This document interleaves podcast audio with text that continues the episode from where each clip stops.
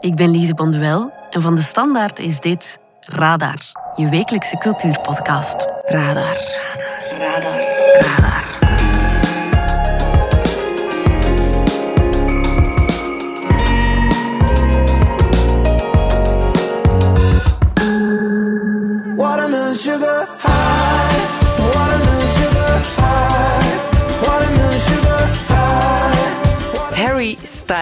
Die had hij misschien niet zien aankomen, hè? Ooit bekend van de boysband One Direction.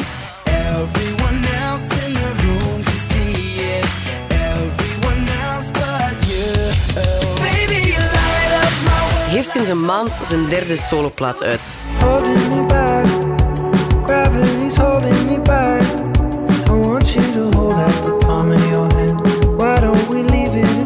Harry's House. Tienermeisjes zijn stapelverliefd op hem.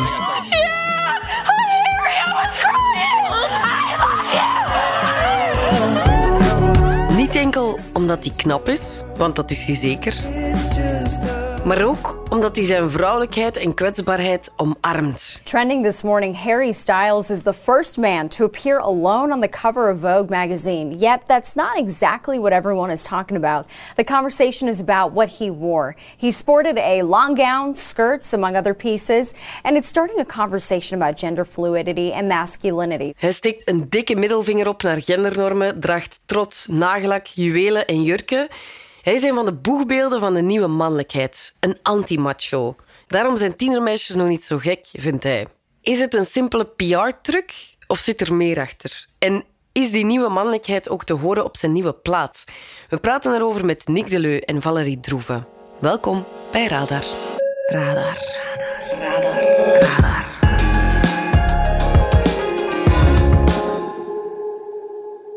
Ik zou wel nog ver gaan voor hem. ik heb ook in mijn kamer zo zijn platen of zo posters van hem en zo. En om naar een concert van hem te kunnen, zou ik wel nog veel doen. Misschien nog zo mijn vrienden verkopen of zo. Om naar een concert te kunnen gaan. Ja, je vrienden verkopen om zo naar een concert te kunnen gaan, dat is misschien heftig. maar het is wel herkenbaar. Ik moet eerlijk zijn, toen ik eh, twaalf was, of misschien zelfs jonger, dat maakt het minder schaamtelijk, was ik tot over mijn oren verliefd op Anthony Kiedis, de zanger van The Red Hot Chili Peppers.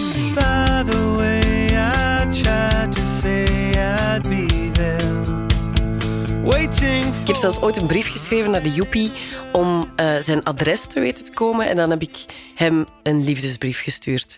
Nooit beantwoord. Uiteraard, ik denk dat die man duizenden brieven elke dag toegestuurd krijgt, of misschien nu al wat minder. Maar het is wel herkenbaar en het hoeft ook niet per se te gaan over verliefdheid. Ik ben niet per se verliefd op Harry, maar ik denk dat Harry zo aantrekkelijk is naar vrouwen toe, omdat hij echt zo het voorbeeld is van wat iedereen wil. En hij is voor vrouwenrechten, tegen racisme. Hij support de LGBTQ community. Dus ik denk dat dat zo echt een voorbeeld is van zo'n man willen we. En daarom denk ik dat hij zo in de smaak valt bij zoveel vrouwen. Ja, ik denk dat als ik hem ooit zou zien... Allee, hij is echt zo 28. Allee, de kans dat er iets zou gebeuren is redelijk klein. Maar ik denk toch wel dat hij zo een beetje een standaard is voor mijn expectations. Wat echt niet goed is, want hij, is, hij zit daar veel te hoog. Ja, voilà. Ja, voilà. Valerie en ik, we gaan het hebben over Harry Styles. Het grootste deel van zijn publiek bestaat uit soms hysterische tienermeisjes. Valerie, jij hebt een tienerdochter thuis rondlopen, een dochter van 15. Hoe hard is zij fan van Harry Styles? toch behoorlijk hard hoor. Dat is absoluut eh, de ideale man in haar leven op dit moment. Denk ik. Muzikaal en daarnaast ook wel. Heeft ze posters van hem overal in haar kamer hangen? Posters niet, denk ik, maar wel collages die ze maakt op Instagram en zo. Ja. En hoe zit het eigenlijk met jullie? Zijn jullie fan? Ik zou mezelf niet meteen als een, als een fan van eh, Harry Styles omschrijven. Nee. Ik weet nog toen die eerste plaat uitkwam, dat ik eh, zijn, zijn solo-debuut eigenlijk dat niet helemaal onder de indruk was. Je hoorde daar vooral heel veel invloeden van, van oudere muziek in. En bij die tweede was ik ook niet helemaal mee. Maar toen ik die dan eh, onlangs opnieuw eh, opzette, om nog eens te beluisteren, dan besefte ik, oh, oké, blijkbaar ben ik ondertussen al die nummers Geturnd. stilaan van buiten gaan kennen. Eh, en hebben die toch wel ergens iets losgemaakt. Ja, het zijn oorwormen, hè. heel veel van zijn nummers. Ja, ik leef er bijna mee samen, dus ja, ben ik dan nog Je wordt of gedwongen eigenlijk. het, het steekt niet tegen, laat het mij zo zeggen. Ik moet ook wel zeggen, ik was lang niet mee met de hype, maar toen eh, Watermelon Sugar twee jaar geleden door de radio knalde dagen aan een stuk, werd ik wel enthousiast op een duur. Watermelon sugar, strawberries on a summer evening. Baby, you're the end of June. I want. En waar is het allemaal begonnen? Allee, voor wie Harry Styles niet kent, wie is hij? Harry Styles heeft zijn begin eigenlijk gekend in een talentenjacht. Hè. Die is een, eh, een X-Factor deed hij toen mee, toen Simon Cowell er nog in de, in de jury zat. Isn't she lovely? Isn't she wonderful? Isn't she pretty? I think with a bit of vocal coaching, you actually could be very good. Thank you. Thanks. En hij had het niet erg ver geschopt in die preselecties. Simon Cowell heeft hem dan met een aantal andere jongens uit die preselecties samengezet tot een, eh, tot een boyband die dan One Direction eh, ging heten. En die zijn dan uiteindelijk wel vrij ver geraakt, maar hebben de competitie niet gewonnen. Maar eh, ja, van de winnaar van dat jaar van X-Factor hebben we daarna niets meer gehoord, denk ik. Maar van One Direction wel nog.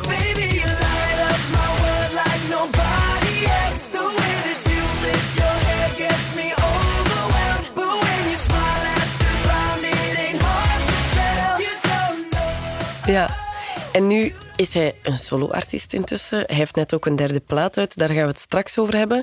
En in 2020 verscheen hij ineens als allereerste soloman op de cover van Vogue. En hij droeg een speciaal voor hem ontworpen Victoriaans geïnspireerde jurk.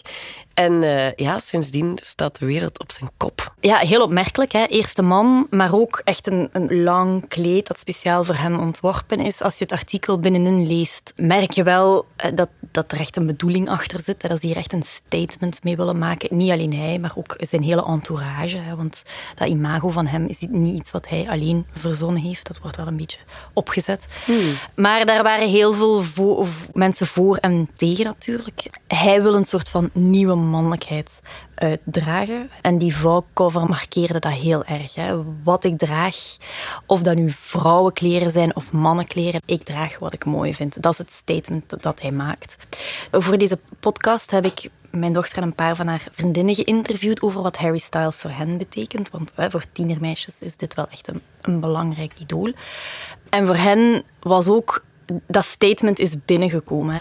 Ze hebben daar een soort ook erkenning van wie zij zijn ingezien, van hun vrouwelijkheid. Mensen die zeggen, oh, je mannen moeten geen jurken dragen en zo. Maar ik denk dat dat juist de reden was dat hij dat heeft gedaan om te tonen van, jawel, dat kan wel, dat mag wel, dat is oké. Ik denk dat, dat hij zo'n beetje de normen over wat dat mannelijk is en wat dat vrouwelijk is, een beetje aan het verbreken is. En ja, gewoon van je draagt wat je wilt. Ik denk dat dat voor een jongen, of ja, gewoon een persoon zelf meer in vraag zal stellen van eigenlijk kan ik dat wel dragen? Of, allee, ik heb er nooit zo naar gekeken dat ik dat kan doen. En allee, nu iemand die zo bekend is, doet het. Dus ik denk dat dat wel iets moois is. Ik denk dat, dat, dat ik dat zo leuk vind, omdat hij, zo, hij durft te tonen dat je meer kan zijn dan wat iedereen verwacht. En dat je buiten jouw comfortzone kan gaan. En gewoon kan experimenteren en dat dat, dat dat geen kwaad kan, dat dat allemaal mag en dat dat oké is. Ik vind dat zo dapper en dat geeft mij wel zin om de wereld te tonen dat wie ben ik en niet wat willen jullie zien, maar wie ben ik echt. En ik denk dat hij daarvoor een heel groot voorbeeld is. Vogue was nog maar het begin. Hè. Op de cover van zijn nieuwe plaat Harry's House draagt hij een witte blouse met eh franjes, pofmouwen, een kraagje. En daar stopt het eigenlijk ook niet. Hè. Hij speelt ook echt met die gendernormen. Hij draagt ook nagellak bijvoorbeeld, dat is heel typisch voor hem. Ja, hij speelt de hele tijd op het podium, naast het podium, fotoshoots, speelt hij met die gendernormen. Hè. Draagt hij kleren die je eerder zou associëren met, met de vrouwenafdeling dan met de mannenafdeling. Ja. En het statement dat hij daar eigenlijk mee wil maken is... Labels zijn niet belangrijk. De dingen moeten niet benoemd worden of er hoeven geen etiketten opgeplakt te worden als dat mensen beperkt. Ja, dat moet niet in, in een hokje geduwd ja, worden. mensen moeten niet in een hokje geduwd worden. Dus het is niet omdat iets al jaren voorbestemd was om alleen voor vrouwen te zijn, dat ik het niet mag dragen. Ik voel me daar goed in, ik draag wat ik wil. En hij ziet dat als een soort van bevrijdingsbeweging eh, waar hij deel van uitmaakt. En die meisjes vooral, die fan van hem zijn, die zien dat ook zo. Die vinden, die, die Gen Z'ers, die tienermeisjes, die willen echt al die, die labels en die hokjes opblazen. Ze zijn heel erg tegen toxic masculinity. Een foute vorm van mannelijkheid die opgelegd is door de maatschappij en die een soort van vernietigende kracht is in die maatschappij. Zowel voor mannen zelf als voor vrouwen. Want mannen moeten dingen binnen de norm doen, ook al voelen ze zich niet binnen de norm en beperken ze zich. Voor vrouwen geldt hetzelfde. Dus zij zien een Harry Styles als iemand die dat opblaast, waardoor dat zij ook zich niet meer beperkt voelen en, en, en zij ook vrijer kunnen nadenken over gender en over wie zij zijn als vrouwen. Ja, je zei het eigenlijk al, hè. wordt nu gezien als boegbeeld van een nieuwe mannelijkheid. Maar wat, wat is dat dan precies, die nieuwe mannelijkheid? Dat is een soort van mannelijkheid die mannelijkheid, vrouwelijkheid en kwetsbaarheid omarmt. Hè. Dat zit daar allemaal in. Ook mannen mogen vrouwelijk zijn. Ook mannen mogen kwetsbaar zijn. Waarom zijn tienermeisjes daar zo fan van? Waarom vinden ze dat zo geweldig? Zij leven heel erg in een tijd waarin zij platgeslagen worden met de boodschap The future is female. Hè, eh, op Instagram voeden ze zichzelf daarin op. Krijgen ze allemaal van die inspirational quotes daarover eh, voorgeschoteld. MeToo is geweest. Dat is een generatie die echt... Die meisjes willen echt geloven van de wereld is aan het veranderen. Wij zijn aan het veranderen. En dan stappen ze de echte wereld in en dan blijkt dat toch nog niet helemaal zo te zijn. Want het is toch nog moeilijk om bijvoorbeeld als je gay bent of queer bent, daarmee naar buiten te komen. En Harry Styles is iemand die dat ideaalbeeld eigenlijk verpersoonlijkt van hoe de wereld, hoe de man voor hen zou kunnen zijn. Want het is een man die niet alleen zijn eigen vrouwelijkheid, maar ook hun vrouwelijkheid aanvaardt. En Ja. die ook tegen hen zegt van ja, kijk, ik zie u niet alleen als een soort van seksuele prooi, maar ik zie u echt als iemand die heel gelijkwaardig is aan mij en de eigenschappen die jij hebt, ik kan daar, daar ook een paar van hebben en we kunnen dat delen. Dat is allemaal niet zo afgebakend. Als je bijvoorbeeld gay bent, bij jongens is dat zo'n veel groter ding dan bij een meisje. Omdat jongens daar ook wel hard op judgen van... Dat kan niet, je kan niet op een man zijn, dat is raar. Bij jongens is dat een veel groter taboe.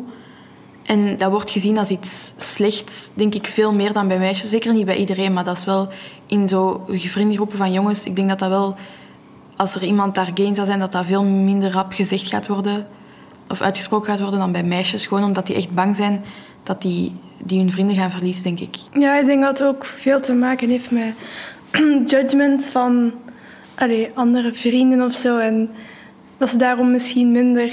Ah ja, ik kan niet persoonlijk voor elk- elke jongen spreken. Er zullen zeker ook veel jongens zijn die gewoon dat niet willen dragen. Maar ik denk dat het moeilijker is voor een jongen om een jurk te dragen dan voor een meisje een pak te dragen. In Harry Styles zien ze iemand die vrouwelijkheid omarmt en dus gelijkwaardig maakt aan mannelijkheid. Eh, hij is een soort van, van ideale man dan in hun ogen. Hè. Dat zeggen ze, zeiden de meisjes ook letterlijk toen ik hen interviewde. Hij legt de lat heel hoog hè, om een jongen te vinden. Hij draagt het idee uit dat eh, ze niet alleen seksuele wezens zijn die je Ja. kan begeren, maar dat je ook een gelijkwaardige partner van hen kan zijn. En tegelijkertijd vinden ze het een hele aantrekkelijke mooie man. Hè. Ze- Zijn vrouwelijkheid die hij uitdraagt is ook heel sexy. Hè. Die, die nagellak die hij, hij draagt, dat is een vrouwelijk element, maar hij blijft een mannelijke man. Hij blijft, Ja. hij blijft voor hen een heel aantrekkelijk eh, tieneridool, eh, waar dat ze misschien stiekem een klein beetje verliefd op zijn. dus het is die combinatie. eh, En dan de muziek die zij, ze zeggen het in het interview, heel relatable noemen. Hè. Muziek waar ze zich in kunnen vinden. Muziek die gaat over hun pijnen en hun bezorgdheden. Hij weet daar heel goed op in te spelen.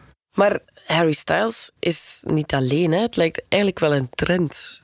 Ja, die nieuwe mannelijkheid begint zijn weg naar de mainstream te vinden. Youngblood is niet zo mainstream maar, en is ook veel provocerender dan iemand als Harry Styles. Maar is ook iemand die zich schminkt, jurkjes draagt op het podium, vindt dat de labels ehm, en de hokjes doorbroken moeten worden op het gebied van gender en geaardheid.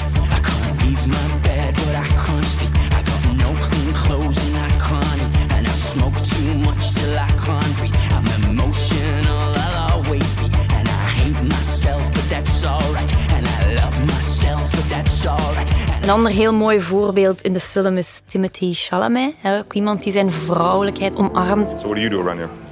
Read books, transcribe music, swim at the river, go out at night. Sounds fun. Right. Maar ook mensen als Stromae bijvoorbeeld, hè, die op het podium en naast het podium vrouwelijkheid en mannelijkheid heel erg afwisselt en combineert. Ja. Cette fois, c'était la dernière. Tu peux croire que c'est qu'une crise mate une dernière fois mon derrière. In. Vlaanderen, overlaatst heb ik een interview gedaan met Astrid Zeemana. Die zei, eh, Harry Styles is mijn stijlicoon. Hè. Dat is ook zo iemand die zich heel genderfluïde kleedt en overal gaat shoppen, zowel in de vrouwen- als in de mannenafdeling. Het idee hierachter is, hè, en Astrid Zeemana zei dat heel mooi in het interview dat ik met hem gedaan heb, de macho is van zijn voetstuk gevallen. Hè. Niet de man, maar de macho is van zijn voetstuk gevallen. Dat is de wereld waar dat deze idolen in thuis horen. Eh, dus het begint heel zachtjes ook hier in Vlaanderen eh, binnen te komen. Mhm. Maar op zich, vroeger was dat toch ook al zo? Prince en David Bowie deden dat toch ook al?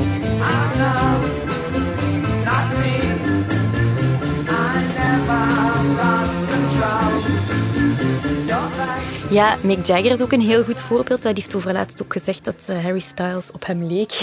Hetzelfde deed, maar minder goed. Eh, eh, ook Kurt Cobain heeft jurken op het podium gedragen. Het is er altijd geweest, maar ik heb toch het gevoel dat het bij Harry Styles helemaal mee- eh, in de mainstream is binnengedrongen. Hè. Op die cover van Vogue is hij de eerste man eh, die een jurk draagt. En hij draagt die echt als een soort van verworvenheid. Hè. Dat is geen gimmick. Eh, ik mag dit dragen. Dat vind ik toch nieuw. En het effect ook dat dat op die tienermeisjes heeft en, en hoe dat past in hun wereldbeeld is echt van deze generatie, vind ik. Het is er al altijd geweest, maar het is, er, is ook wel een tijdje weg geweest natuurlijk. Bowie en Jagger, dan spreken we toch al over een aantal decennia geleden. Ja. Eh, de jaren 90, de jaren 2000, leek mij de mode wel veel meer toegespitst op, op mannelijkheid. Op eh, brede jeansbroeken en baggy truien en Ja, dergelijke. zo liep ik er als tiener rond. Ja, kijk, als je kijkt naar de vrouwelijke popsterren in die tijd, dat was dan iemand zoals Avril Lavigne. Dat was echt een tomboy met een skateboard en een tanktop.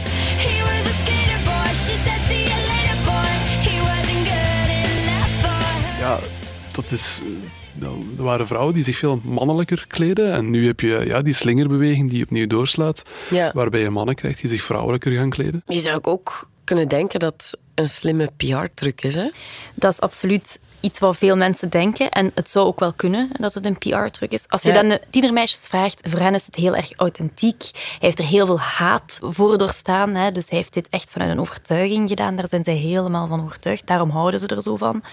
Nu, binnen de LGBTQ-gemeenschap is hier wel een discussie over. Hè. Dus Harry Styles wordt door sommigen uit die gemeenschap gezien als iemand die elementen van hen naar zich toe trekt. Die elementen uit de gay community gebruikt om zichzelf en zijn producten te verkopen. En dat neemt een deel van die LGBTQ-gemeenschap hem wel kwalijk, natuurlijk. Nu, de omgekeerde redenering is dat hij iets wat, wat moeilijker te vertellen is, makkelijk te vertellen maakt. Door te zeggen, mijn geaardheid is geen issue. Eh, ik heb voorlopig alleen maar vrouwelijke eh, partners gehad, maar ik sluit niet uit dat dat ooit eens mannelijke partners Mhm. kunnen zijn. Eh, maak je het leven van sommige gays misschien ook wel gemakkelijker. Hè? Dus er is geen uitgesproken standpunt waar iedereen het over eens is hierover, maar die discussie over of dit nu net goed is voor de gemeenschap of slecht, die woedt wel op dit moment. Dat is wel een issue. En hoe ver gaat dat fandom eigenlijk?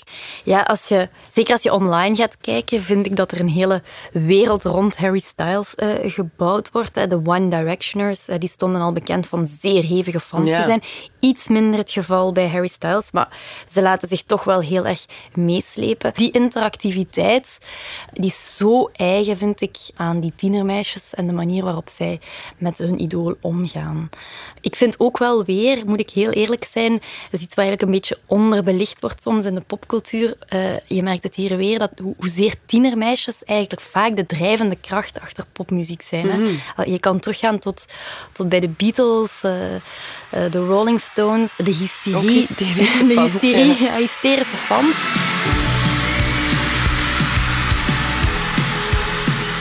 Maar het zijn wel altijd die tienermeisjes die dat op de kaart zetten. En ik vind ook hè, die mannelijkheid die eh, Mary Styles hier uitdraagt.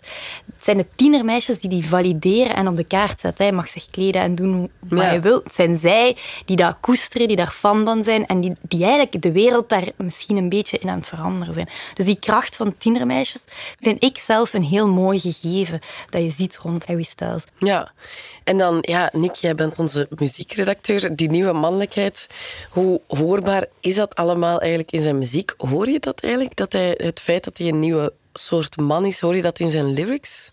Nee, je hoort wel de manier waarop hij praat over, over liefde en relaties en dergelijke in die nummers. Dan hoor je wel dat hij, dat hij daar wel redelijk matuur in staat en, eh, en zeer open en emotioneel beschikbaar is. Eh, eh, dat is wel iets dat, dat er wel echt in, in doorschemert. Een van de meest opvallende nummers op dat vlak is, is Boyfriends, dat op het nieuwe album staat. You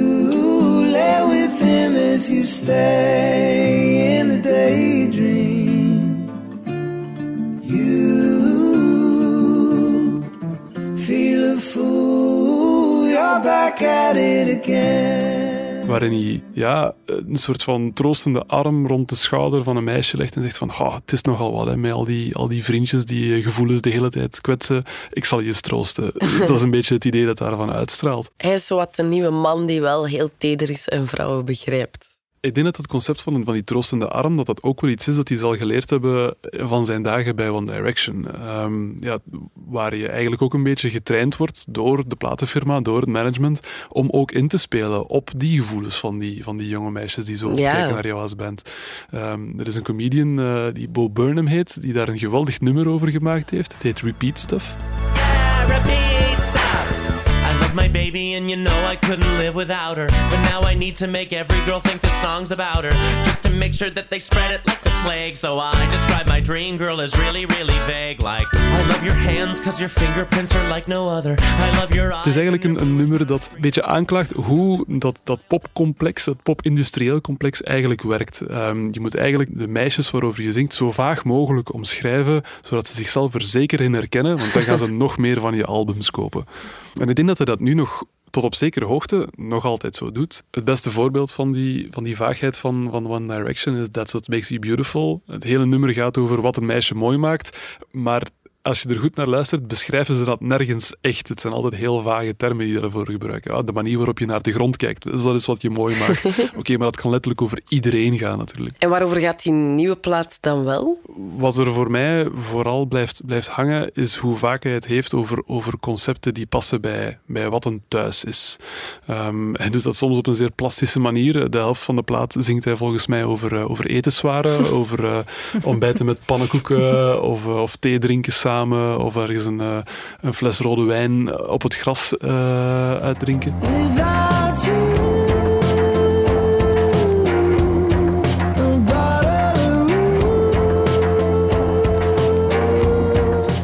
Maar ook dat zijn vaak illustraties van, van dingen die, die kunnen aanvoelen als iets dat een thuis kan maken. En ja, in een aantal nummers benadert hij dat vanuit verschillende standpunten. Er is een nummer dat, dat eigenlijk gaat over een lange afstandsrelatie en hoe je daar dan toch ergens een thuis in kan proberen vinden.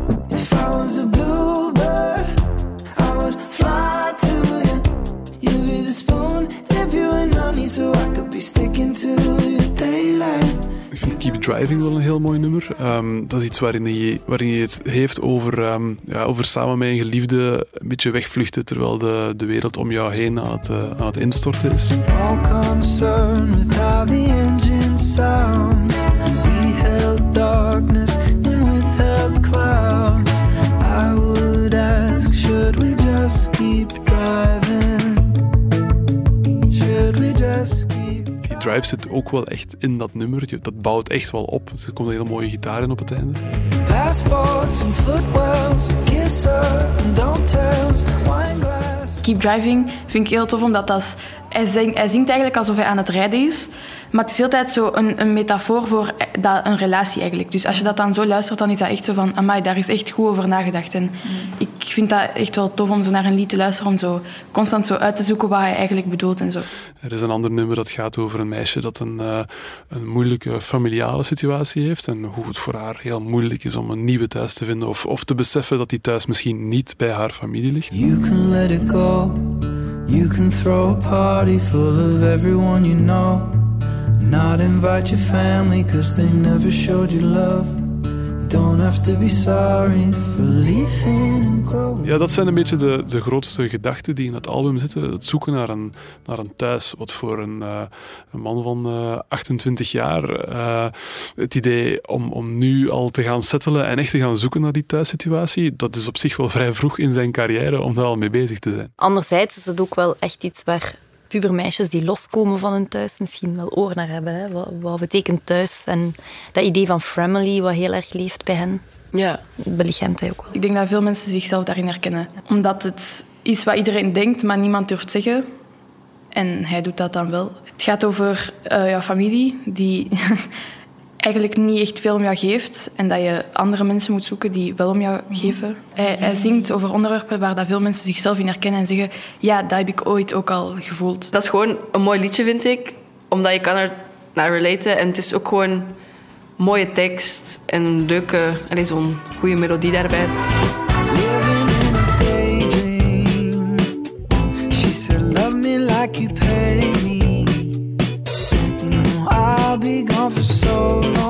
Daydreaming vind ik een heel mooi voorbeeld van hoe, hoe warm en gloedvol hij die plaat heeft kunnen laten klinken. Het klinkt echt als een, als een 70s nummer. Ja, je gaat er een beetje van dagdromen. Eh, er zit geen gigantisch grote boodschap in dat nummer, maar dat hoeft ook niet eigenlijk. Het is echt gemaakt om, ja, om je een goed gevoel te geven, gewoon zoals popmuziek oorspronkelijk bedoeld is. Mhm. Ja, de eerste single die hij releaste is As It Was.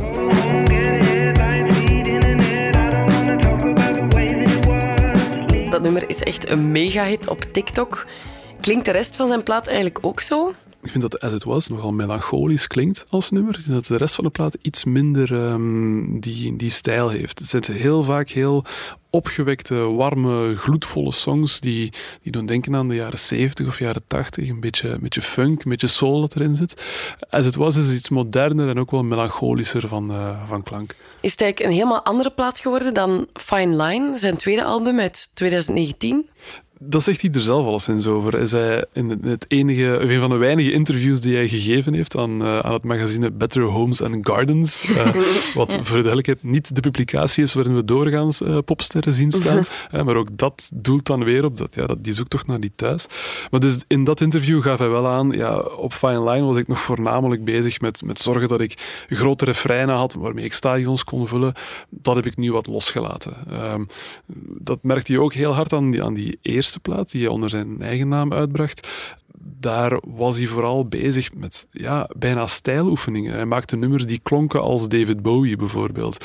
Eh, alsof hij ja, daar een soort van goedkeuring wou mee loskrijgen van de, ja, de serieuze muziekliefhebbers, Mhm. tussen aanhalingstekens. Ehm, dat geeft hij ook toe in dat interview. Ik was daar voornamelijk op zoek naar, naar erkenning en goedkeuring. Die tweede plaat was ik op zoek naar iets dat een, een schaalvergroting kon doen. En nu heb ik meer mezelf kunnen zijn. Nu goed, het is niet de eerste artiest die zegt dat hij eindelijk eens zelf kunnen Ja, zijn is ja, op een nieuwe plaat. Dat komt wel heel erg binnen bij de meisjes, hè? dat idee van jezelf kunnen zijn. En het is echt zijn muziek, krijg ik te horen. Echt van hem, niemand anders. Maar hij stelt zich ook effectief ook meer op als een muzikant tussen de muzikanten dan als een popster die voor zijn band staat. Dat valt mij vooral muzikaal op aan deze plaat. De helft van de tijd is hij ook niet aan het zingen, maar aan het sketten. Uh, neuriet hij gewoon een beetje mee. Hij gebruikt zijn stem ook veel meer als instrument. Vergeleken met, met andere popsterren, iemand zoals Taylor Swift bijvoorbeeld, daar gaat die stem altijd heel erg bovenop de muziek gaan liggen, omdat hij heel duidelijk een verhaal aan het vertellen is. Die is echt iets aan het zingen dat, dat heel diep in het oor moet liggen. You heard about me, so hey, let's be friends. I'm dying to see Bij Harry Styles op dit album ligt het iets meer in de lijn van de muziek. Dit maakt het voor mij ook een heel aangename plaat om, om op de achtergrond te beluisteren eigenlijk. Is Harry Styles maar een tieneridool of is hij meer volgens jullie? Hij is zeker begonnen als tieneridool. De, de adoratie die de jongens van One Direction eh, te beurt viel, dat kan je alleen maar eh, zo omschrijven. Ehm, Maar ik denk wel met met eh, de stappen die hij gezet heeft op die, op die drie soloplaten ondertussen. Muzikaal zijn die alleszins een stuk rijker dan, dan de producties die je hoorde bij One Direction. Die Mhm. waren zeer eh, bijna, bijna mechanisch ontworpen om zo snel mogelijk eh, hits te worden. Als je ziet hoe lang een nummer als Watermelon Sugar erover gedaan heeft om in de Verenigde Staten op één te raken, ja, dat toont wel dat het op meer speelt dan enkel de naam Harry Styles en enkel de instant impact van het nieuws dat Harry Styles nog eens iets gedaan heeft. Ja. Dat nummer heeft er een paar maanden over gedaan om op één te raken. Dat is in, in ja, de huidige tijden niet hoe dat, dat soort dingen doorgaans gaan. Een single wordt uitgebracht, die wordt onmiddellijk heel veel gestreamd op Spotify. Dan heb je de grote piek en dan heb je een hit.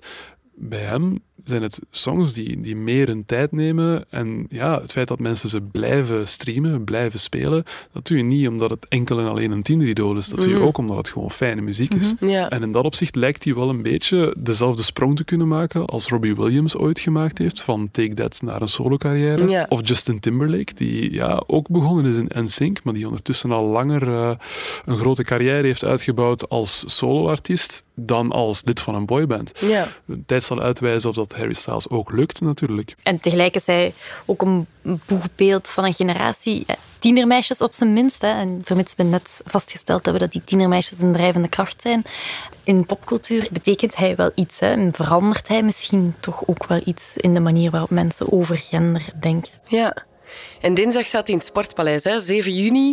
Ik vermoed dat jouw dochter wel zal gaan willen kijken, Valerie. Ga je mee? Als ze mij meevraagt, ga ik mee. En met plezier? Ja, eigenlijk wel. Dat enthousiasme, daar word ik ook wel gelukkig van. Liek de Leu en Valerie Droeven, dankjewel. Graag gedaan. Graag gedaan. Radar.